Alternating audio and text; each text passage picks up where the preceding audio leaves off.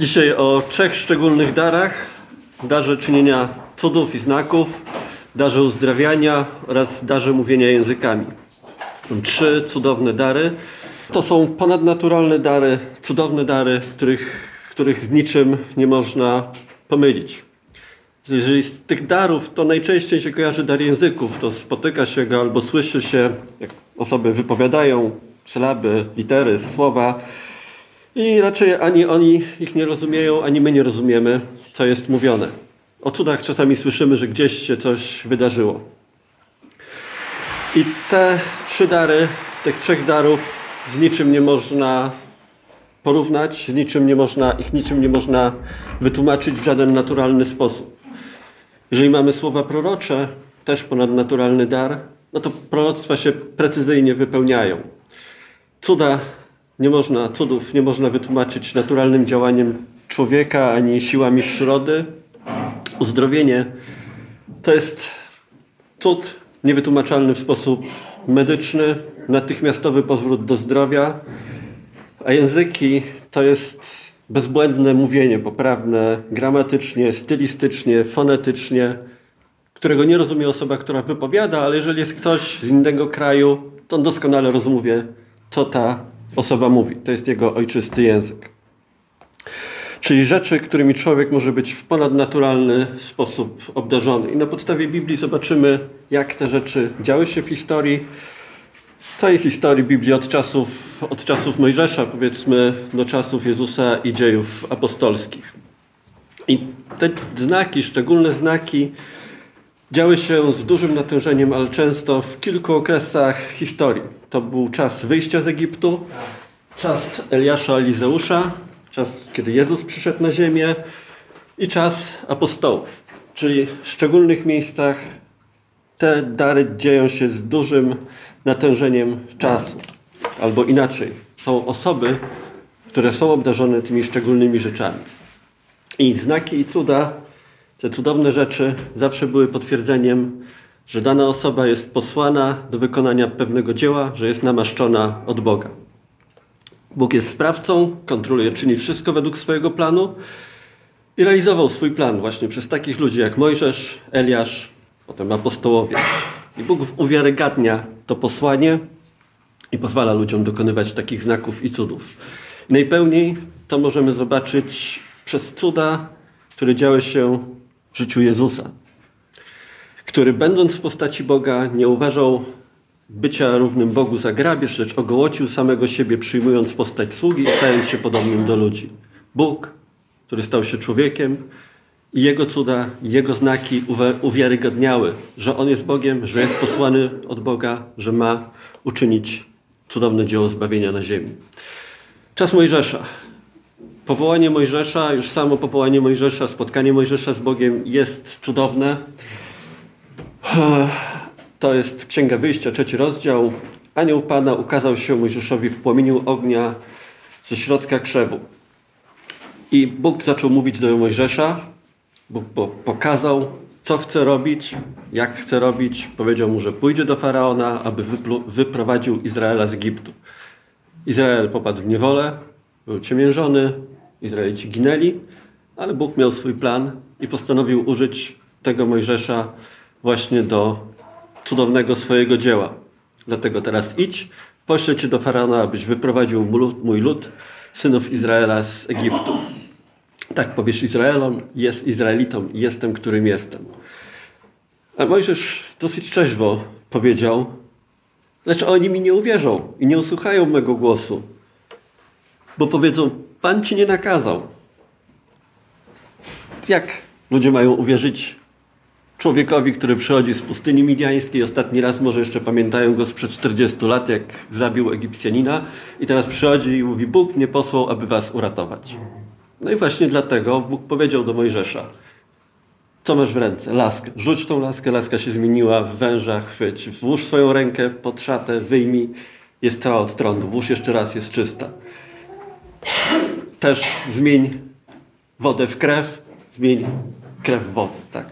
To były cuda, niepodważalne cuda, które stały się przez rękę Mojżesza i przez to Izraelici uwierzyli.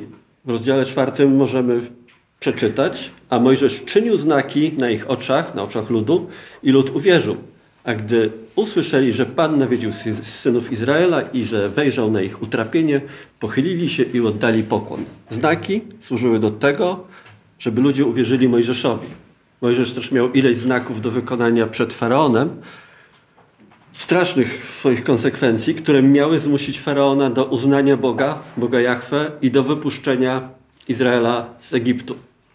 I Faraon ostatecznie powiedział: Wyjdźcie, wyjdźcie spośród mojego ludu, wy synowie Izraela, idźcie i służcie Panu, jak mówiliście. Zabierzcie też swoje trzody i bydło i mnie błogosławcie. I Izrael, Egipcjanie przynaglali lud, aby jak najszybciej wyprawić ich z ziemi, bo mówili, wszyscy pomrzemy. Takie to były straszne cuda i takie to były znaki. Czyli to nie działo się dlatego, że Mojżesz tak sobie postanowił, że a, zademonstruje. Bóg nakazał Mojżeszowi to zrobić. To były poświadczenia tych cudownych rzeczy. I o Mojżeszu możemy przeczytać w Księdze Powtórzonego Prawa, 34 rozdział 10-12. Nie powstał już prorok w Izraelu równo Mojżeszowi, którego Pan znał twarzą w twarz, we wszystkich znakach i cudach, dla których Pan posłał go, aby je czynić w ziemi Egiptu wobec Faraona, wszystkie jego sługi i całej jego ziemi. I we wszystkich sprawach potężnej ręki i w całej wielkiej grozie, którą Mojżesz wywołał na oczach całego Izraela. To był czas Mojżesza i też w sumie czas Jozłego wejścia do ziemi obiecanej, kiedy działy, coś, kiedy działy się te znaki, działy się te cuda, które uwierzytelniały Boże dzieło, do którego oni zostali posłani. I w Starym Testamencie jest trochę ponad 80 znaków i cudów tak opisanych literalnie i z czego 30 w zasadzie dzieje się w okresie 40 lat, może 50, licząc czas podróży, wejść, nie podróży, ale poprzebywania na pustyni, czas wejścia do ziemi obiecanej. Dalej przez kolejnych 350 lat do Eliasza, do Elizeusza mamy paręnaście cudów zaledwie. To był czas, kiedy też Bóg działał w okresie sędziów i w czasie królów, ale zdecydowanie rzadziej. I dopiero za czasów rządów Achaba widzimy Eliasza, który przychodzi, potem Elizeusza i znowu dzieją się cuda. Około 20 cudów dzieje się przez tych dwóch wielkich proroków. Dlaczego wtedy? Izrael odpadał od Boga, Bóg ich napominał, ale to był już taki czas krańcowego w zasadzie upadku Izraela. W Księgach Królewskich, w pierwszej królewskiej 16 rozdziale możemy przeczytać Achab, syn Omriego, królował, na, królował nad Izraelem w Samarii 20 lat. I Achab, syn, syn Omriego, czynił co złe w oczach Pana, bardziej niż wszyscy, którzy byli przed nim. A jakby nie było, jakby nie wystarczyło mu popełnianie grzechów Jeroboama, czyli tego, który uczynił złote cielce, to pojął jeszcze za żonę Jezebel, córkę Edbaala, króla Sydyńczyków i zaczął służyć Balowi i oddawać mu pokłon i wzniósł ołtarz Bala w domu Bala. I nagle pojawia się Eliasz. Wtedy Eliasz, też bita jeden z mieszkańców Gileadu, powiedział do Achaba Jako żyje Pan, Bóg Izraela, przed którym stoję, nie będzie w tych latach ani rosy, ani deszczu, jak tylko na moje słowo. Czy Eliasz mówił sam od siebie? On był samozwańczym prorokiem. Bóg w tajemniczy sposób go posłał i powiedział te słowa? Nie, to Eliasz wykonuje prawo Boże. To prawo Boże zapowiadało dokładnie, że jeżeli Izrael odpadnie od Boga, wtedy przyjdzie przekleństwo nad Izraela. To dokładnie Mojżesz powiedział, Księga Powtórzonego Prawa, 11 rozdział. Strzeżcie się, aby wasze serce nie dało się zwieść, abyście nie odstąpili i nie służyli innym bogom i nie oddawali im pokłonu. Bo wówczas zapali się gniew Pana przeciwko wam i zamknie on niebo, aby nie było deszczu, aby ziemia nie wydawała swojego plonu i szybko wyginiecie w tej dobrej ziemi, którą Pan wam daje. Bóg zsyła sąd, zapowiedziany sąd i Eliasz wykonuje prawo Boże. Ale kiedy lud odstąpił od bałwochwalstwa przez znaki, które czynił Eliasz, Izraelici zawołali Pan jest Bogiem, a dokładniej Jahwe jest Bogiem, żeby nie było wątpliwości, który Bóg, który Pan jest Bogiem. Jahwe jest Bogiem. Izraelici ukorzyli się przed Bogiem i wtedy Bóg zesłał deszcz. Czyli te znaki i cuda to nie było od tak przyszedł wielki Eliasz, spuścił ogień na ołtarz, e, ołtarz się zapalił, wybili tych odszczepieńców, tych e, kapłanów Baala. To było wykonanie prawa, zapowiedziane wykonanie prawa. Eliasz jest posłany przez Boga, żeby zgodnie z zapowiedzianym słowiem Boga wykonał te rzeczy. Bóg jeszcze raz pragnął w ten sposób, aby Izrael wrócił do niego. Przez chwilę może było lepiej, ale potem znowu Izraelici odpadli od Boga. Skończyło się to znowu na niewoli asyryjskiej. Czyli, pra, czyli cuda poświadczają te osoby, które są posłane. Mojżesz powiedzmy nie miał wcześniej, nie było wcześniej słowa takiego, jak on miał. On był prawo, przez niego Bóg przedstawił prawo, ale już później ludzie, przez których dzieją się te znaki i cuda, albo wykonywali prawo, albo mówili, że wykonują to zgodnie z prawem, albo jak w czasie Jezusa, zgodnie ze proroctwami, w czasie apostołów, zgodnie z proroctwami, które były przepowiedziane. I czy możemy się spodziewać takich cudów, jakie Eliasz czynił w naszych czasach? Te rzeczy były bezpośrednio związane z przymierzem, które Bóg zawarł z Izraelem. Z żadnym innym narodem Bóg nie zawarł podobnego przymierza. Albo żaden inny naród, ani grupa wyznaniowa, chrześcijanie, nie są związani z takimi, z takimi obietnicami ani błogosławieństwa, ani przekleństwa. Nowe przymierze nie odnosi się to w taki sposób do rzeczy materialnych, jak Stare Przymierze się odnosiło, więc nie możemy się spodziewać takich znaków, takich cudów, jakich Bóg dokonał za czasów Eliasza. Bóg może zrobić co chce, ale, ale w Nowym Przymierzu nie mamy takich zapowiedzi. Eliasz też, w życiu Eliasza też zdarzały się inne cuda. Wydarzały się, kiedy ukrywał się przed Achabem. Bóg posłał go do Sarepty, do wdowy. W Święty Królewskiej 17 rozdziale możemy przeczytać. I Eliasz powiedział do niej, przynieś mi trochę wody w naczyniu, abym się napił i też poprosił ją o chleb. Ona powiedziała, że nie ma, ma tylko na jeden posiłek i umrze ona, umrze jej dziecko. Eliasz powiedział, zrób najpierw dla mnie, a potem dla siebie. I wiemy, że przez cały ten czas, cały czas ten czas głodu było pożywienie. Co to rozmnożenia jedzenia, ale pomimo tego dziecko tej kobiety zmarło, i Eliasz wołał do Boga, Boże, niech wróci dusza tego dziecka. I dusza tego dziecka wróciła do niego i ono ożyło. I ta kobieta powiedziała, teraz wiem, że jesteś mężem Bożym i słowo Pana w Twoich ustach jest prawdą. Czyli cuda potwierdziły boskie posłanie Eliasza. Potem mamy znowu czas do Jezusa, około 750 lat od czasów Eliasza gdzie około 10 cudów jest zapisanych w Biblii. Czyli te cuda nie dzieją się regularnie, zawsze, systematycznie. W czasie Nowego Testamentu z kolei znowu jest około 80 cudów zapisanych, ale zapisanych, ponieważ jest też napisane w Ewangelii Jana 21.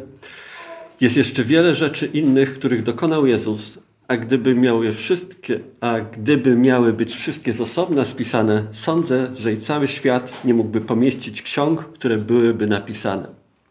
I podobnie jest napisane, że przez ręce apostołów działo się wiele znaków i cudów wśród ludu. I to kilkukrotnie. Czyli mamy wspomniane o kilkudziesięciu cudach, ale dużo, dużo więcej się działo tych cudownych rzeczy w tym czasie. Dlaczego? działy się te znaki i cuda?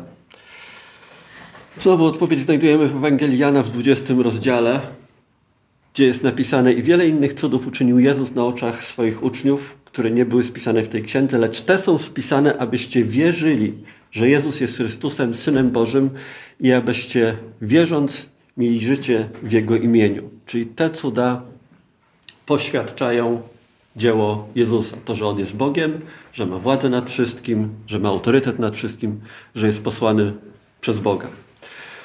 W liście do Hebrajczyków w drugim rozdziale też autor albo autorzy piszą, że apostołom Bóg dał świadectwo przez znaki i cuda i różnorakie moce udzielone przez Ducha Świętego według swojej woli.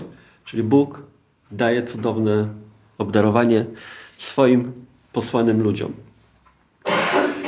Cuda Jezusa. Jeżeli popatrzymy na to, jak cudowne rzeczy się działy w księgach Ewangelii, to w rozmowie Jezusa z Nikodemem w Ewangelii Jana w trzecim rozdziale Nikodem mówi coś takiego.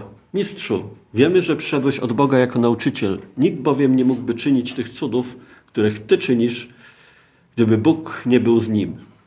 Żydzi jeszcze nie odrzucili Jezusa, nie przyjęli Jezusa. Na razie widzą, że On jest posłany od Boga. Kiedy Jezus rozmnożył chleb w Ewangelii Jana w szóstym rozdziale, ci ludzie, którzy doświadczyli tego, ujrzawszy cud, który uczynił Jezus, mówili: To jest prawdziwy ten, to jest prawdziwie ten prorok, który miał przyjść na świat. Oni widzą te cuda, przyjmują, że to nie jest zwykły człowiek. To musi być ktoś więcej. Nie poznają jeszcze, że to jest, że to jest król żydowski, ale stopniowo ta wiedza, ta wiedza w Izraelu przychodzi. Izraelici od 400 lat mniej więcej czekają na króla od czasu niewoli babilońskiej.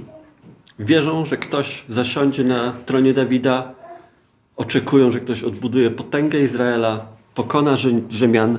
Od czasu do czasu pojawiają się ci, którzy mówią, że są namaszczeni, że są zbawi zbawicielami narodu, z wodzą Izraela. Sanhedryn, Naczelna Rada Żydowska czuwa nad tym, sprawdza. Oni też badali Jezusa, czy te cuda, które On czyni, to są cuda od Boga, czy On jest posłany. Gdyby Jezus tylko mówił o zbawieniu, gdyby tylko mówił takie rzeczy na temat moralności, może ktoś by zwrócił na niego uwagę, ale można by powiedzieć, że to kolejny lider żydowskiej sekty przyszedł, który zniknie razem ze swoją śmiercią. Ale tak jak Mojżesz czynił te cuda, jak Eliasz, tak Jezus przyszedł wykonać wolę Ojca, aby, ludzi, aby ludzie poznali Syna Bożego, który przyszedł zniszczyć dzieła diabła. Tak jak w Ewangelii Jana 3,8 jest napisane, po to objawił się Syn Boży, aby zniszczyć dzieła diabła.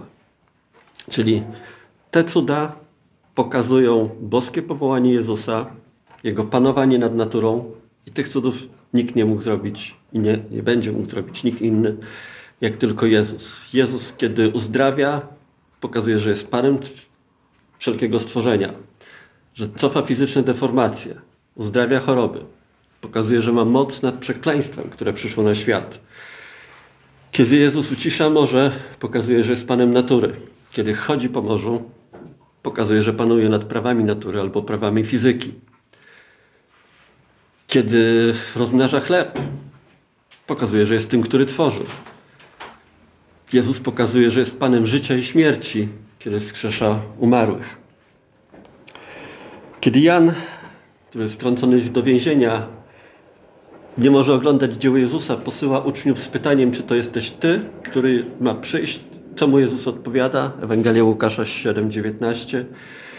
Czy to jesteś Ty, który ma przyjść, czy mamy czekać innego?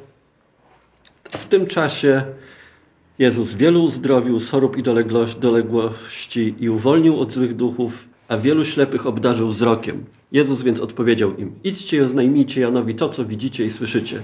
Ślepi widzą, chromi słyszą, trędowaci zostają oczyszczeni, głusi słyszą, umarli z martwych stają, a ubogim głoszona jest dobra nowina.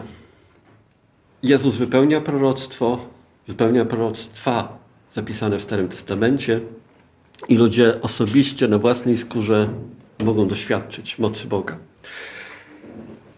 mocy Boga, który na trzydzieści kilka lat przyjął postać człowieka i którego Duch Święty namaścił, aby czynił właśnie te cudowne rzeczy i cuda. Czas apostołów. Jezus umiera na krzyżu. Wielki Sanhedryn może odetchnąć, ogłosić zwycięstwo, jak to powiedział Kajfasz. Pożyteczny jest, aby jeden człowiek, aby jeden człowiek umarł za lud, Ewangelia na 18, 1, 18. Ten człowiek umarł za nasze grzechy. Jeżeli w to wierzysz, że Jezus umarł za twoje grzechy, jesteś zbawiony. Jeżeli nie wierzysz, nie ma w Biblii innej drogi zbawienia pokazanej. To się musiało stać. Jezus musiał zostać ukrzyżowany, ponieść na grzech, na krzyż nasze grzechy. Ale tragiczne jest to, że Ananiasz, najwyższy, Annasz, najwyższy kapłan i Kajfasz byli saduceuszami, i nie wierzyli w życie pozagrobowe. Więc z punktu widzenia, ich punktu widzenia nie ma problemu. Pewnym problemem był, było to, że grób jest pusty, Ale wystarczyło przekupić żołnierzy, powiedzieć, że uczniowie wykradli ciało i w zasadzie wydawało się, że jest po problemie. Do czasu pięćdziesiątnicy, kiedy nic już nie było tak jak wcześniej. I zmiana, która miała nastąpić od dnia pięćdziesiątnicy, to było, to możemy porównać w zasadzie tylko i wyłącznie z nadaniem prawa na górze Synaj. Jezus przyszedł do swojego narodu, został odrzucony. Ten, który miał zasiąść na tronie Dawida, został rękami pogan ukrzyżowany. Jezus wypełnił doskonale całe prawo, ale został ukrzyżowany, poniósł winę za nas wszystkich. Raz na zawsze grzech został zgładzony przez doskonałą ofiarę Jezusa. I w ten sposób cały system ofiarniczy stracił rację bytu. Całe prawo związane ze świętami, z sabatami straciło rację bytu. Naród wybrany odrzucił Boga. Bóg nie odrzucił narodu wybranego, ale musiało się stać to, co zapowiadał Izajasz w 20, 49 rozdziale. To za mało, że jesteś moim sługą, aby podźwignąć pokolenia Izraela i przewrócić ocalonych z Izraela. Dlatego ustanowię cię, świat, cię światłością dla pogan, aby, abyś był moim zbawieniem aż do końców ziemi. Czyli otworzył się czas na zbawienie dla pogan. Ale dalej w Jerozolimie stoi świątynia. Dalej jest arcykapłan, są kapłani, są faryzeusze, którzy strzegą i prawa mojżeszowego i nadanych przez siebie praw. I w tym miejscu uczniowie mają głosić, że zbawienie jest tylko przez łaskę. Paweł pod natchnieniem Ducha Świętego będzie mówił, że obrzezanie nie ma żadnego znaczenia. To jest najświętszy znak dany ojcu Abrahamowi od ponad dwóch tysięcy lat. To definiuje przynależność do narodu wybranego. Paweł pod natchnieniem ducha powie, że poleganie na obrzezaniu jest głupotą, że to zaprzecza zbawieniu z łaski. W liście do Galacjan możemy o tym przeczytać. Autor listu do Hebrajczyków w dziesiątym rozdziale napisze: Prawo bowiem zawiera cień dóbr czystych. Z uczynków prawa nie będzie usprawiedliwione żadne ciało w jego oczach, w oczach Boga, gdyż przez prawo jest poznanie grzechu.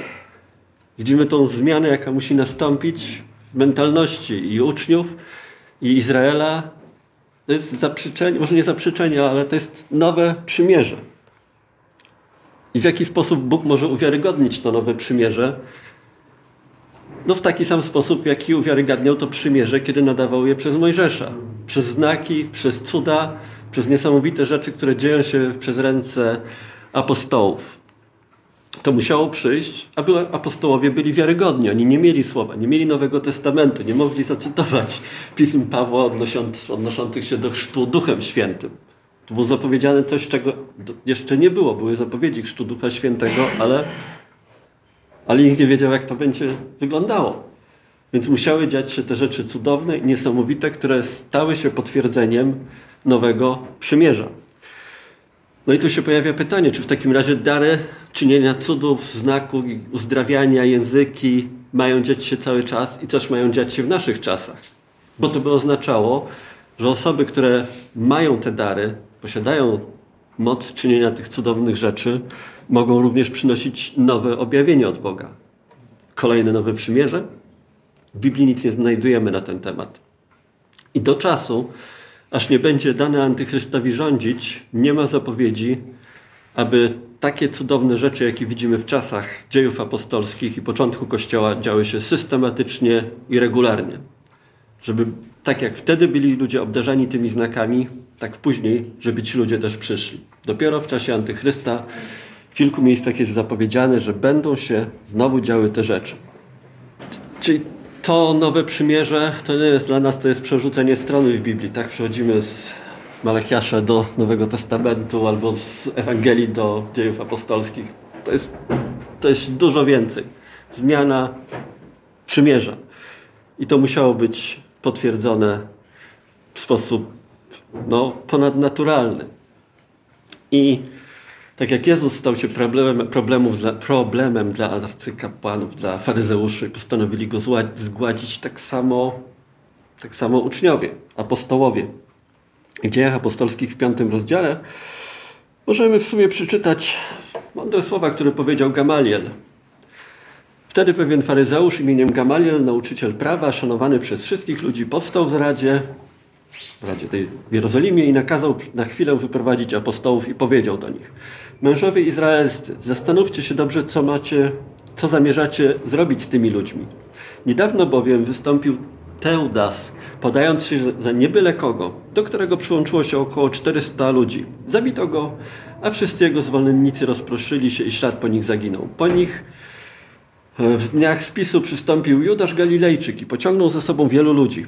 Lecz on zginął, a wszyscy jego zwolennicy rozproszyli się. Dlatego teraz też mówię, odstąpcie od tych ludzi i zostawcie ich. Jeśli bowiem ten zamysł, czy ta sprawa pochodzi od ludzi, obróci się w niwecz, ale jeżeli pochodzi od Boga, nie będziecie mogli tego zniszczyć, aby czasem nie okazało się, że walczycie z Bogiem. Ta sprawa pochodziła od Boga i Bóg uwiarygodnił, tak jak Jezusa uwiarygodniał, tak apostołów. To dzieło, które rozpoczął Jezus, musiało być dokończone. Jezus był kamieniem węgielnym, apostołowie i prorocy byli fundamentem Kościoła, tak jest napisane w Piśmie, na poprzednich nauczaniach były te wersety cytowane. I w podsumowaniu wydarzeń w dniu wylania Ducha Świętego w dniu Pięćdziesiątnicy Łukasz napisał Ci więc, którzy chętnie przyjęli Jego słowo, Piotra słowo, zostali ochrzczeni i przyłączyło się tego dnia około trzech tysięcy dusz. Trwali oni w nauce apostołów, społeczności, w łamaniu chleba i w modlitwach i strach ogarniał każdą duszę, gdyż wiele znaków i cudów działo się przez ręce apostołów. To były znaki, cuda, które też wzbudzały grozę. Kiedy czytamy w dziejach apostolskich w piątym rozdziale historię Ananiasza i Safiry, oni zmarli. Skłamali wobec Ducha Świętego, ale Piotr powiedział, dlaczego skłamaliście? Te rzeczy wydarzyło się dlatego, że apostołowie tam byli, apostołowie te rzeczy czynili.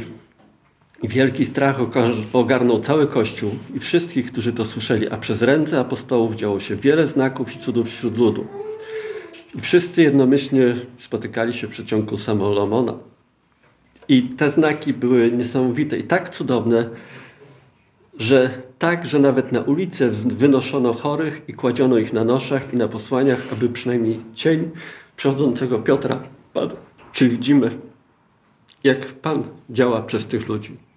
Przynoszono chorych, dręczonych przez duchy nieczyste, a wszyscy byli uzdrowieni. Cuda nie tylko za sprawą Piotra i apostołów w Jerozolimie się działy. Tak samo Bóg uwiarygodnił apostoła Pawła, który przez moc znaków i cudów, przez moc Ducha Świętego głosił tak, że obszar od Jerozolimy aż do Ilirii napełnił Ewangelią Chrystusa, gdzie w liście do Rzymian możemy o tym przeczytać. No i powstaje pytanie, czy te cuda i znaki powodowały, że wszyscy się nawracali? Wydawać się może, że jeżeli ludzie widzą takie niesamowite rzeczy, no to powinni oddać pokłon Bogu i oddać życie Bogu. Ale widzimy w Biblii, że niestety ludzka natura jest grzeszna, ludzie zapominają, pomimo że widzieli niezaprzeczalne działanie Boga, cudowne rzeczy. Odchodzą bardzo szybko. Izraelici wyszli z Egiptu i parę dni później narzekają, że nie ma wody. Dziękuję. Dostałem wodę. Że nie mają że nie mają pożywienia. Znak od Pana, nic tylko cud. że nie mają jedzenia. Tak? No przed chwilą widzieli, idzie z nimi obłok. W ciągu dnia, w ciągu nocy słup ognia. I oni co robią? Nie ma Mojżesza, zróbmy sobie złotego cielca. Tak? Znaki i cuda nie powodują, że ludzie się nawracają po znakach i cudach, które uczynił Eliasz, Izrael znowu odstąpił. Czy za czasów Jezusa? Można się spodziewać, że było i tak było podobnie. Kiedy Jezus w Ewangelia Mateusza, kiedy 12 rozdział, Jezus przyszedł do synagogi i był tam człowiek, który miał usłą rękę. I chcąc, chcąc go oskarżyć, faryzeusze zapytali, czy wolno uzdrawiać w szabat. Jezus musiał pokazać swoją moc uzdrowił tego człowieka w szabat. On oddał chwałę Bogu, ale faryzeusze, wyszedłszy, naradzali się przeciwko niemu, w jaki sposób go zgładzić.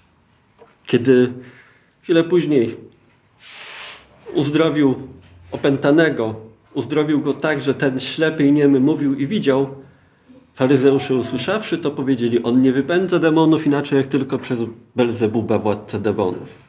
Kiedy Jezus skrzesza z martwych Łazarza. Marta mówi, to już czwarty dzień. Cuchnie. Jezus powiedział, czyż nie powiedziałem, że jeżeli uwierzysz, ujrzysz chwałę Boga? Jezus uzdrawia, uzdrawia, wzbudza z martwych tego człowieka, niezaprzeczalnie, po czterech dniach. Faryzeusze wiedzieli, że jeszcze, wierzyli, że jeszcze do trzech dniach życie może wrócić do człowieka. Jezus odczekał aż do czwartego dnia. I co? I faryzeusze, naczelni kapłani zebrali się i powiedzieli, mówili, co zrobimy? Bo ten człowiek czyni wiele cudów. I wtedy postanowili, że Kajfasz wtedy powiedział, że lepiej, żeby jeden człowiek umarł za lud, niż żeby cały naród zginął. Prorokował w ten sposób. To musiało nastąpić. Czy mogą być fałszywe znaki i fałszywe cuda? Znajdujemy w Biblii ostrzeżenie przed tym. To nie, że my tak sobie twierdzimy, w Biblii wielokrotnie mamy na ten temat ostrzeżenia. Sam Jezus w Ewangelii Mateusza 7,21 mówi Nie każdy, kto mówi Panie, Panie, wejdzie do Królestwa Niebieskiego, lecz ten, kto wypełnia wolę mojego Ojca, który jest w niebie. Wielu mi powie tego dnia, Panie, czy nie prorokowaliśmy w Twoim imieniu? W Twoim imieniu nie wypędzaliśmy demonów, w Twoim imieniu nie czyniliśmy cudów. Wtedy im odpowiem, wtedy im oświadczę, nigdy Was nie znałem. W Ewangelii Marka możemy przeczytać 13 rozdział. Powstaną bowiem fałszywi Chrystusowie i fałszywi prorocy i będą czynić znaki i cuda, aby zwieść ilu można, nawet wybranych. I też Paweł mówi, że niegodziwiec przyjdzie za sprawą szatana z całą mocą znaków i fałszywych cudów, wśród wszelkiego zwodzenia nieprawości wobec tych, którzy giną. Tesaloniczan 2.9. I w objawieniu w rozdziale 13, 16 i 19 też możemy przeczytać, w 19 rozdziale może przeczytam. Schwytana została bestia, a z nią fałszywy prorok, który czynił przed nią cuda, jakimi zwiódł tych, którzy przyjęli znamię bestii i oddawali pokłon jej wizerunkowi. Czyli w czasie apostołów, w późniejszych czasach, diabeł zwodził i zwodzi ludzi fałszywymi proroctwami, fałszywymi cudami. Jak poznać? W Biblii też jest napisane, jak poznać fałszywych proroków, fałszywych cudotwórców. O, powtórzonego prawa, 13 rozdział. Mojżesz pisze, jeżeli powstanie pośród nas, pośród was prorok albo ktoś, kto ma sny i ukaże ci znak albo cud i stanie się ten znak albo cud, o którym ci oznajmił i powie pójdźmy za innymi bogami, których ty nie znasz i im służmy, nie usłuchasz słów tego proroka, ani tego, która, kto ma sny, gdyż Pan Bóg doświadcza was, aby poznać, czy miłujecie Pana swojego Boga z całego serca i z całej duszy swojej. Żyjemy w czasach Nowego Przymierza, nie kamieniujemy fałszywych proroków, ale mamy to ostrzeżenie, i to ostrzeżenie mówi wyraźnie, że oni będą zwodzić od prawdziwego Boga. Jak możemy poznać prawdziwego Boga, prawdziwego Mesjasza? Mamy Słowo. Całe Słowo okazuje, obrazuje nam Boga, jak Bóg postępuje, jak działa. To jest nasz wzorzec. Tak? Możemy poznać wzorzec, Ewangelię, listy apostolskie i na tej podstawie jesteśmy wezwani do rozsądzania i znaków, i proroctw, abyśmy nie dali się zwieść. Czyli już, gdzie, już w listach mamy opisanych fałszywych proroków, którzy zaprzeczali boskości Jezusa. Każdy, kto zaprzecza boskości Jezusa, temu, że przyszedł w ciele, wiemy, że jest fałszywym prorokiem. Też kto mówi, że ofiara Jezusa nie jest wystarczająca, że trzeba uczynić jakieś specjalne znaki, że trzeba sobie zasłużyć na zbawienie też jest fałszywym prorokiem. Cudowny dar uzdrowień. Możemy zobaczyć na kartach Nowego Testamentu, że wszyscy, którzy przyszli do Jezusa, byli uzdrawiani. Nie była potrzebna specjalna wiara ani w przypadku uzdrowień dokonywanych przez Jezusa, ani w przypadku uzdrowień dokonywanych przez apostołów. Po prostu trzeba było przyjść, poprosić. Chorzy byli nawet przynoszeni. No. Ale w szczególnych przypadkach nawet osoby nie musiały, nie prosiły o uzdrowienie. Po prostu jak, jak czytamy, jak Jezus uzdrowił ślepego od urodzenia, Jana 9 rozdział, Jezus przechodząc zobaczył człowiek, człowieka ślepego od urodzenia. Uczniowie się pytają, dlaczego tak się stało. Jezus im tłumaczy, Ale co robi Jezus? Nie pyta się, czy chcesz być uzdrowiony. To powiedziawszy, splunął na ziemię, zrobił błoto ze śliny i pomazał tym błotem oczy ślepego. I powiedział, idź, umyj się w sadawce Siloe. Poszedł, umył się i wrócił widząc. Podobnie w dziejach apostolskich w trzecim rozdziale możemy przeczytać Piotr i Jan weszli do świątyni w godzinie modlitwy o dziewiątej i wnoszono właśnie pewnego mężczyznę chromego od urodzenia. Piotr powiedział, nie mam srebra ani złota, lecz to, co ci mam, to, co mam, ci daję. W imieniu Jezusa z Nazaretu wstań i chodź. Ten człowiek nie prosił o uzdrowienie, on został uzdrowiony. Szczególne przypadki uzdrowień i cudów to są przypadki osób opętanych. One nawet nie miały szansy zobaczyć Jezusa, prosić Go o uzdrowienie, o uwolnienie.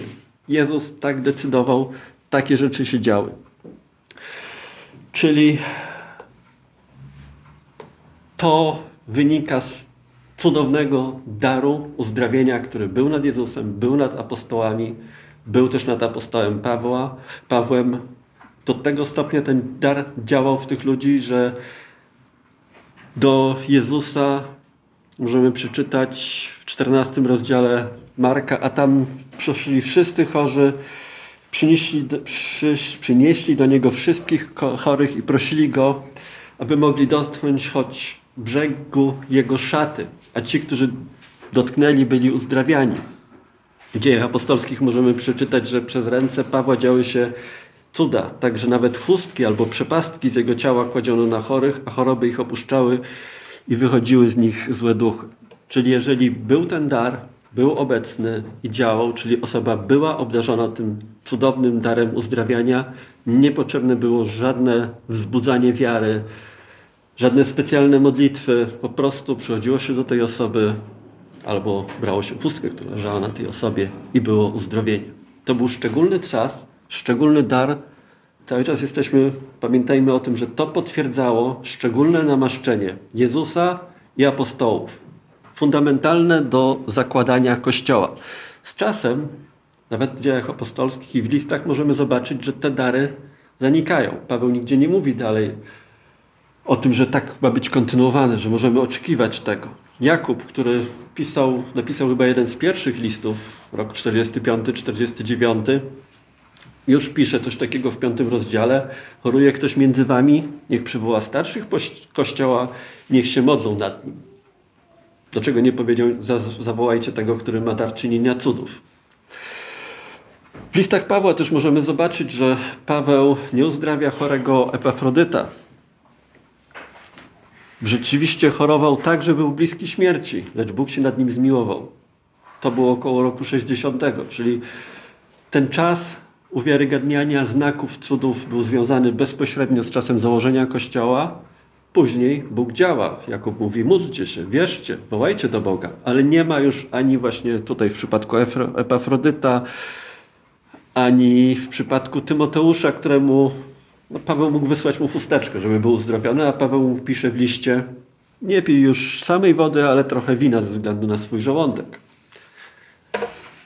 Paweł w liście do Tymoteusza drugim też pisze, że Trofima zostawiłem chorego w Milecie. Lata 60., końcówka lat 60. Czyli znaki były na ten czas, kiedy miały potwierdzać i mamy świadectwo z Biblii, że ten czas cudów najwyraźniej się skończył. Kolejny, ostatni z cudownych darów, dar języków, który był zapowiedziany przez Jezusa w Ewangelii Marka w 16 rozdziale. Jezus mówi, kto uwierzy i ochrzci się, będzie zbawiony. A takie znaki będą towarzyszyć tym, którzy uwierzą. W moim imieniu będą wypędzać demony, będą mówić nowymi językami. Więc Jezus zapowiada nowe języki i apostołowie wiedzą, że to jest jeden z oznak tego, że osoba jest zbawiona, że uwierzyła w Jezusa jako Zbawiciela.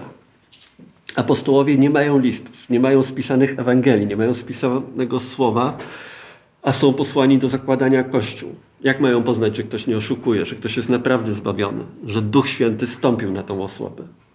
Tą rzeczą charakterystyczną, bardzo specyficzną jest dar mówienia językami. Kiedy w dniu pięćdziesiątnicy to się dzieje, a potem też w domu Korneliusza.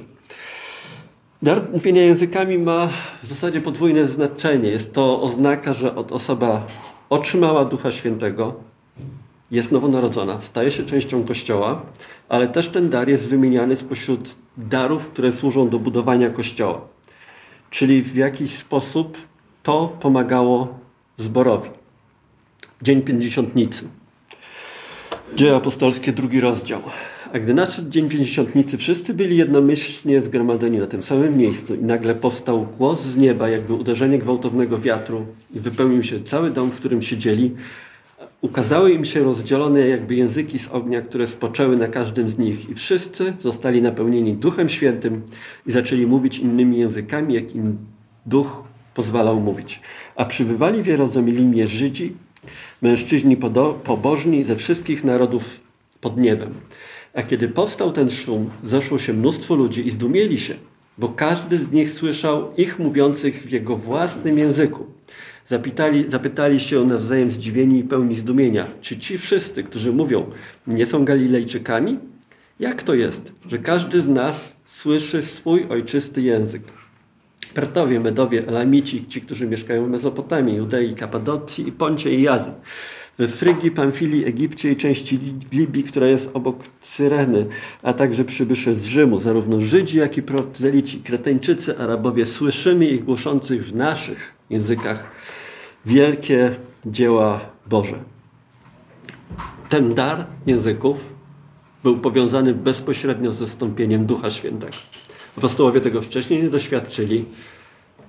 Jezus im zapowiedział, mogli to sobie skojarzyć, zapamiętać, wiedzieć, że tak Bóg postąpił. To był pierwszy moment, kiedy nastąpiło wylanie Ducha Świętego. Tego nie było wcześniej w historii Izraela. To było zapowiedziane oczywiście przez proroka, ale teraz się to wydarza.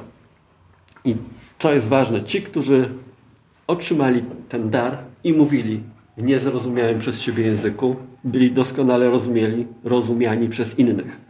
Ci mówili glossa, słowo greckie, a tamci rozumieli dialektos, ich dialekt, ich język rodzimy.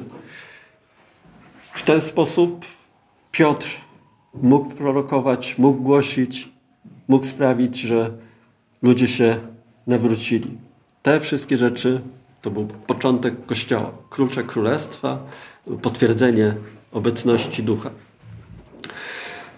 Kościół w Jerozolimie się rozwijał, ale nie miał, nie, miał być tylko dla Izraelitów, tylko dla Judejczyków. Rozpoczęły się prześladowania, uczniowie rozpraszali się po okolicy. Mamy zesłanie Ducha Świętego też w Samarii. I dochodzimy do dziejów apostolskich, dziesiąty rozdział, do domu Korneliusza. Niesamowita historia zbawienia i daru języków, który został też dany poganom. Korneliusz, oficer rzymski, setnik, żołnierz, ale co najważniejsze, pobożny i bojący się Boga z całym swoim domem. Dawał on wielkie jałmużny ludowi i zawsze modlił się do Boga. Korneliusz ma wizję, wizję anioła, który mu przekazuje informację, że ma posłać po Piotra. Jest pewien problem, bo Piotr jest Żydem, pobożnym Żydem, który nie będzie wchodził do domu poganina. Więc Bóg musiał równolegle dać Piotrowi wizję, żeby widział, że tak ma iść, ma być wbrew temu, co wierzy, co tam głosi tradycja, ma iść do pogańskiego domu. Piotr idzie, rozmawia z Korneliuszem, głosi mu Ewangelię i gdy jeszcze Piotr mówił te słowa, Duch Święty stąpił na wszystkich słuchających tej mowy i zdziwili się wszyscy pochodzący z obrzezania, wszyscy Żydzi, którzy przyszli z Piotrem, że dar Ducha Świętego został wylany także na pogan. Słyszeli ich bowiem mówiących językami i wielbiących Boga. Wtedy Piotr się odezwał, czy ktoś może odmówić wody, żeby byli ochrzczeni? Ci, którzy otrzymali dar Ducha Świętego.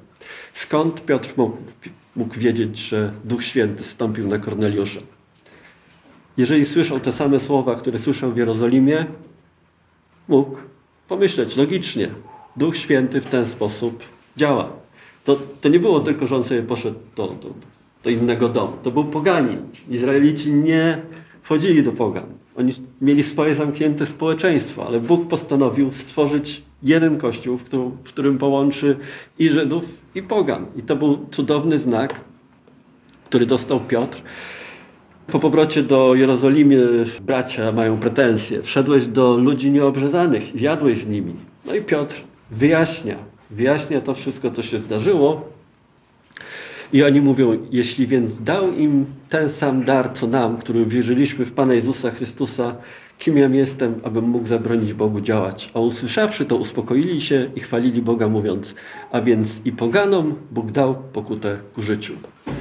Czy mógł być dobitniejszy znak, że Duch Święty dał? Został dany Korneliuszowi? Wydaje się, że, że to było najlepsze, co, co Piotr mógł zrozumieć i w jaki sposób mógł zacząć to dzieło powstania Kościoła, ciała składającego się z Żydów i Pogan. I czy obecnie jest potrzeba, abyśmy mieli potwierdzony ten dar Ducha Świętego językami? Musimy pamiętać, że to był czas początku, czas szczególny, nie było słowa. Apostołowie mówili to, co im Duch Święty mówił. Byli prorocy, przez języki też musiały dziać się rzeczy i być mówione słowa, które zostały spisane i mamy to w postaci Nowego Testamentu. Oni działali w innych realiach. Kościół, objawienie Boże, że zbawienie z łaski to było coś zupełnie innego, co było do tej pory. Duch Święty nie było nigdy wcześniej tej idei, że Duch Święty będzie, znaczy była zapowiedź, ale nigdy w praktyce tego nikt nie, nie widział. Więc ten szczególny dar, dar języków, był potwierdzeniem, że ci ludzie dostali Ducha Świętego. Ale my mamy spisane słowo. W tym spisanym słowie jest, napis, słowie jest napisane, że kto uwierzy, temu Bóg daje swojego ducha. Więc w słowie jest napisane, że mamy Ducha Świętego. Więc gdybyśmy domagali się od Boga jakichś szczególnych potwierdzeń, to by trochę znaczyło, że nie wierzymy Bogu, nie wierzymy Słowu. No w Słowie jest napisane, że mamy. No to jak będę się domagał, to znaczy, że nie wierzę Bogu? Dlaczego Bóg ma uwierzytelniać coś, co jest zapisane w Słowie? Fundament teraz został założony, nie ma potrzeby robienia ekstra rzeczy. Jeżeli apostołowie działali wtedy, mieli te dary fundamentalne, założycielskie, które zostały zapisane w Słowie, to teraz gdyby ktoś przyszedł z nowym słowem, robił rzeczy, cuda, znaki, mówił Boże Słowa przez cudowne języki, to by znaczyło, że buduje wiem, dobudówkę do tego. To byłoby niesamowite zamieszanie i, i, i, i przyczynek do zwiedzenia. Nie znajdujemy w Biblii nigdzie, że musimy domagać się tego, że mamy tego oczekiwać. Języki były też darem do budowy Kościoła. Tak jest wymieniony wśród darów Ducha Świętego, szczególnie w listach Pawła, w liście do Koryntian 12 rozdział. Różne są języki, lecz różne są, przepraszam, dary, lecz ten sam duch. A każdemu dany jest przejaw ducha dla wspólnego pożytku i między innymi jest powiedziane, że dane są różne języki, różne rodzaje języków, a innemu tłumaczenia języków. I Paweł dalej mówi, że ciało Kościół składa się z wielu ludzi, każdy ma jakieś specyficzne swoje obdarowanie, ale Kościół, wszyscy, tak jak też tutaj dzisiaj jesteśmy, jesteśmy wezwani do tego, żeby wzajemnie sobie usługiwać, pomagać, budować. To jest idea Kościoła i dary Ducha Świętego były po to, aby budować Kościół. Wy zaś jesteście ciałem Jezusa Chrystusa, a osobna członkami. Bóg ustanowił niektórych w Kościele, najpierw apostołami, potem proroków, czy, czy nauczycieli, potem cudotwórców, potem dary uzdrawiania, niesienia pomocy, zarządzania, różne języki. Czy wszyscy są apostołami, czy wszyscy prorokami, czy wszyscy nauczycielami, wszyscy cudotwórcami, wszyscy mają dar uzdrawiania, wszyscy mówią językami, czy wszyscy tłumaczą. Czyli te dary, darów jest 18, Andrzej o tym mówił więcej na poprzednich kazaniach, służą temu, aby budować Kościół. Ale w liście do Koryntian widzimy, że z darem języków, w ogóle z darami w Koryncie było szczególne jakieś zamieszanie. To był kościół, który jest bardzo obdarowany rzeczami od Boga, a jednocześnie są takie grzechy, że nigdzie indziej nie jest wymienione tych, takie grzechy. I najwyraźniej dary Ducha Świętego są bardzo nadużywane albo niewłaściwie używane w tym kościele. I Paweł szczególnie ten dar języków tłumaczy w trzech aż rozdziałach. Paweł mówi, że podstawą jest budowanie Kościoła, podstawą jest miłość braterska w obrębie Kościoła. Dążcie do miłości, starajcie się usilnie o dary ducha, najbardziej o to, by prorokować. Ten bowiem, kto mówi obcymi językami, nie mówi ludziom, ale Bogu, bo nikt go nie rozumie. On zaś w duchu mówi tajemnice, ale ten, kto prorokuje, mówi do ludzi dla zbudowania, zachęcenia i pocieszenia. Kto mówi obcym językiem, buduje sam siebie. Ale kto prorokuje, buduje Kościół. A chciałbym, żebyście wszyscy mówili językami, bardziej jednak, abyście prorokowali. Większy jest ten, kto prorokuje, niż ten, kto mówi obcymi językami. Chyba, że tłumaczy, aby Kościół był zbudowany. Co Paweł mówił do tego Kościoła w Koryncie. Prorokowanie jest ważniejsze. Dlaczego? Pamiętajmy, że to jest Kościół na początku istnienia. Nie mają, mają może pojedyncze listy Pawła, nie mają Ewangelii, może jakieś szczątkowe fragmenty świadectw apostołów. Nie mają słowa. Więc prorokowanie jest objawianiem Bożego Słowa. My w tej chwili mamy słowo spisane. Nie potrzebujemy nowego objawienia szczególnego od Boga w postaci proroctwa, bo mamy słowo spisane. Wtedy to było konieczne. Tak samo języki. Języki też są ważne do, dla Kościoła. Ten, kto mówi językami, mówi dla Boga, czyli dla ludzi to nie jest niezrozumiałe. I buduje siebie. Ale proroctwa są lepsze, bo służą do zbudowania, do zachęcenia i pocieszenia. Ale jeżeli jest tłumaczenie, to to również służy do zbudowania Kościoła. Czyli języki mają sens, mają sens, jeżeli są tłumaczone. Nie wiemy dokładnie, co było mówione przez języki, bo świadectwo, które mamy z Dnia Pięćdziesiątnicy, to jest takie, że e, ci, którzy mówili językami, głosili wielkie dzieła Boże. To mogło być uwielbienie, to mogło być też zgodnie z tym, co można wywnioskować z listu do Koryntian, jakieś słowa pocieszenia, zachęcenia, może słowa prorocze. No, było to w jakiś sposób dla budowania Kościoła, pod warunkiem, że było przetłumaczone. To bardzo wyraźnie Paweł podkreśla. Dalej możemy przeczytać. Teraz więc, bracia, gdybym przyszedł do was, mówiąc obcymi językami, jaki pożytek mielibyście ze mnie? Przecież nawet przedmioty martwe wydają dźwięki. I Paweł dalej mówi, że wiatr wydaje dźwięki. Jak się uderzy w cymbał, w cytrę, to też wydaje dźwięki. I tak samo język bez tłumaczenia jest bez sensu. Równie dobrze moglibyśmy wziąć Biblię w Suahili, ją czytać i miałoby to taki sam sens, jak mówienie językami bez tłumaczenia. Dlatego Paweł mówi, dlatego, ten, który mówi obcym językiem, niech się modli, aby mógł tłumaczyć. Jeżeli modlę się obcym językiem, mój duch się modli, ale mój rozum nie odnosi z tego korzyści. Czyli Paweł mówi, bez tłumaczenia języki nie mają żadnego sensu. Nawet modlitwa na językach nie ma sensu, bo rozum nic z tego nie przynosi. Dlatego Paweł pisze dalej, jeżeli cały zbór się zbiera w jednym miejscu i wszyscy mówią językami, obcymi językami, a wejdzie tam nieuczony albo niewierzący, czy nie powie, że szaleją? Cóż więc, bracie, gdy się zbieracie, każdy z was ma psalm, ma naukę, ma język, ma objawienie, ma tłumaczenie, to niech wszystko służy ku zbudowaniu. Jeżeli ktoś mówi językami, to niech to czyni dwóch lub trzech najwyżej i to po kolei, a jeden niech tłumaczy. Jeżeli nie ma tłumacza, niech milczy w kościele ten, kto mówi obcym językiem, a niech mówi sam do siebie i Bogu. Czyli Paweł wyraźnie mówi, języki są dobre, są do zbudowania, jeżeli jest tłumaczenie. Jeżeli nie ma tłumacza, niech milczą. Jeżeli jest język, Mówi, tłumacz, tłumaczy. Następny, tłumacz, tłumaczy. Czyli niech wszystko się odbywa w należytym porządku. O, tak jak wtedy, tak teraz. Bóg chce budować, dawać Kościołowi swoje dary, aby służyły do budowania. Czyli Paweł też mówi o prorokowaniu, o mówieniu samemu sobie co mówi sobie, sam siebie buduje. Czy to ma sens? Jeżeli mielibyśmy kogoś, kto ma dar proroczy, dar proroczy, ten ktoś, kto ma dar proroczy, chodziłby i wygrywał w totolotkę, bo ma objawione od Boga, jakie są cyfry. Tak? Trochę nadużycie tego, albo obstawione giełdzie kursy akcji. Jakby ktoś miał dar uzdrowienia i chodził boso w podkoszulku zimą i sobie odmężał palce, a potem sam się uzdrawiał. Albo ktoś, kto ma dar czynienia cudów, padł pod samochód, a potem się poskładał. Tak? Tak samo dar języków, jaki ma sens, jeżeli ktoś go używa dla samego siebie. Jeżeli wszystkie dary miały znaczenie do budowy Kościoła, no to ten dar jest do tego, aby służyć innym. Idea, że sam siebie buduje, generalnie zaprzecza sensowi darów. Ale co mógł, Pan, co mógł Paweł mówić, mieć na myśli, kiedy mówi, kto mówi obcym językiem, buduje sam siebie? O,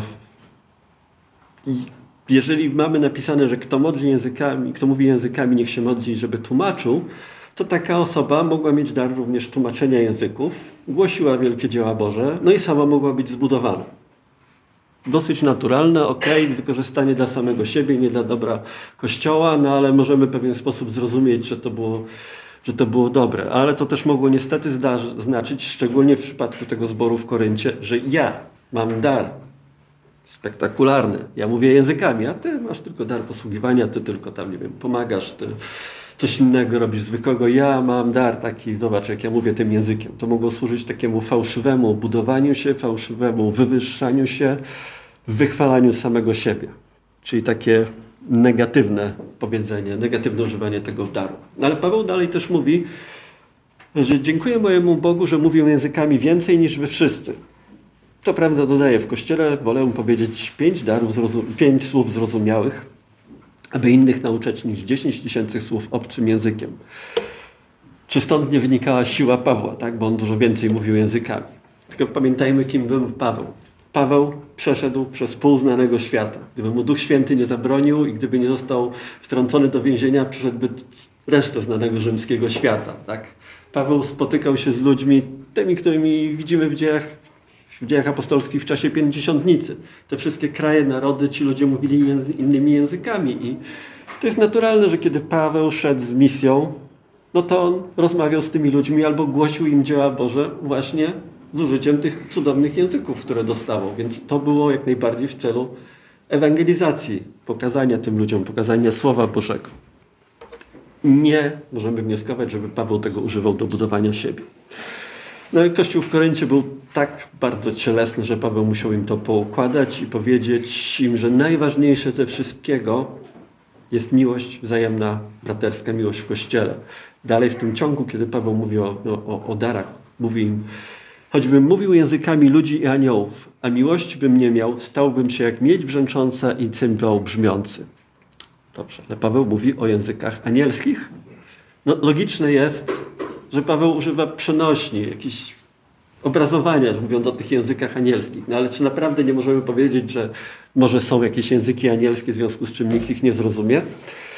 Jeżeli popatrzymy sobie na przykłady spotkań ludzi z aniołami w Starym czy w Nowym Testamencie, to zazwyczaj, no może nie zazwyczaj, zawsze, znaczy zazwyczaj ten anioł mówi po hebrajsku, bo rozmawia z Żydami, zawsze ten anioł mówi w języku zrozumiałym przez tych, z którym mówi. Kiedy rodzice Samsona spotykają anioła, najpierw matka Samsona rozmawia z aniołem, przybiega do domu, potem ojciec Samsona, Manoach, mówi, a kto to był, niech on jeszcze raz przyjdzie i potem on rozmawia z tym aniołem. Więc język anielski jest językiem zrozumiałym dla ludzi. Dwa, Paweł w którymś momencie w liście do Koryntian, w drugim liście mówi, znałem człowieka, który przez 14 laty, czy to w ciele, nie wiem, czy poza ciałem, ten podrwany został do, trzecie, do trzeciego nieba. I został porwany do raju i słyszał niewypowiedziane słowa, których człowiekowi nie wolno wypowiedzieć. Jeżeli ten człowiek mówi, że czegoś nie wolno wypowiedzieć, to chyba zrozumiał, co tam było mówione. No bo tak jakby nie zrozumiał, to, to nie było tego tekstu, że nie wolno tego wypowiedzieć.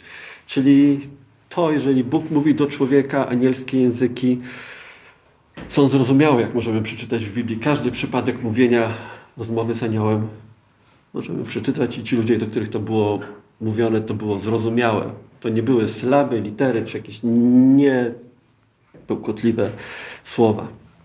Ale Paweł mówi też, że najważniejsze jest, aby się wzajemnie miłowali.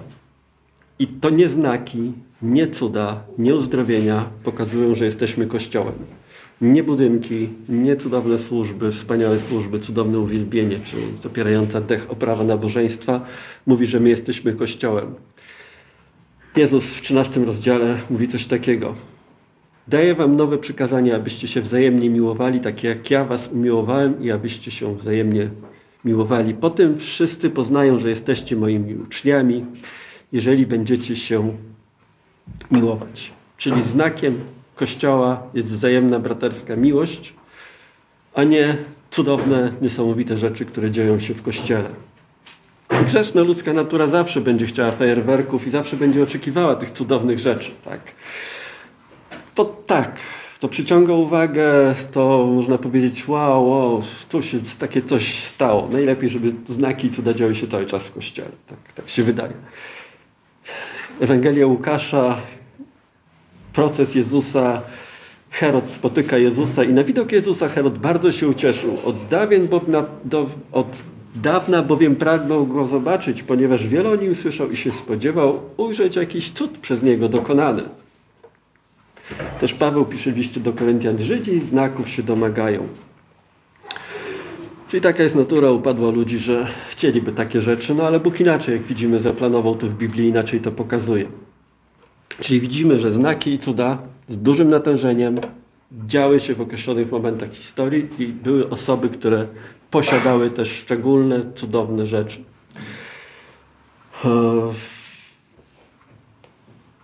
I to było związane z ogłaszaniem prawa, ogłaszaniem sądu Bożego z nowym przymierzem.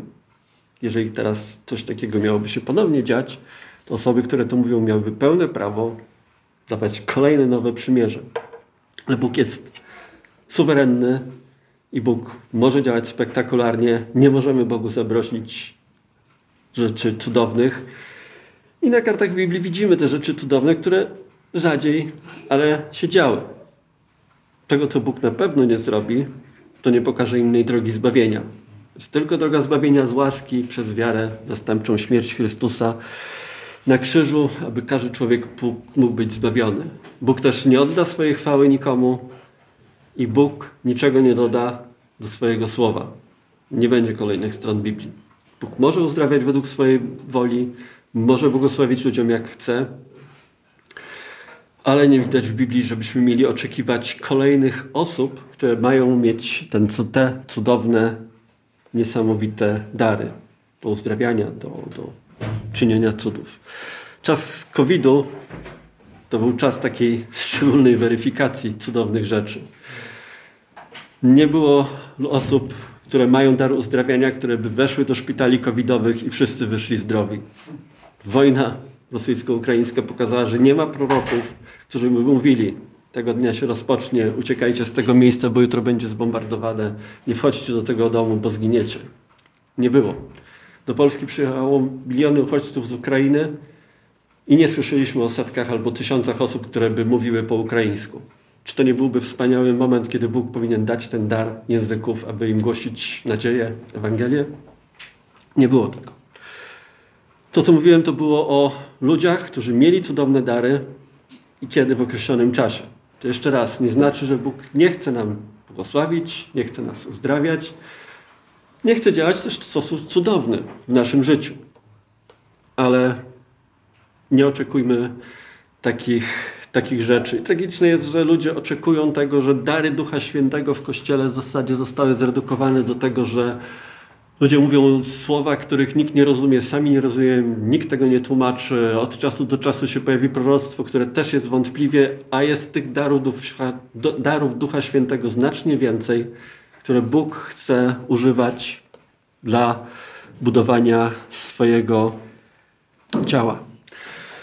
Apostoł Piotr napisał tak, apostoł Piotr, 2 e, Piotra 1,19. Mamy też mocne słowo prorockie, a wy dobrze czynicie, trzymając się Jego jak lampy, która świeci w ciemności, dopóki dzień nie zaświta i jutrzenka nie przyjdzie w waszych sercach. Mamy spisane słowo prorockie, mamy Biblię, słowa Jezusa. Są takie, duch jest tym, który ożywia, ciało nic nie pomaga. Słowa, które ja wam daję, które ja wam mówię, są duchem i życiem.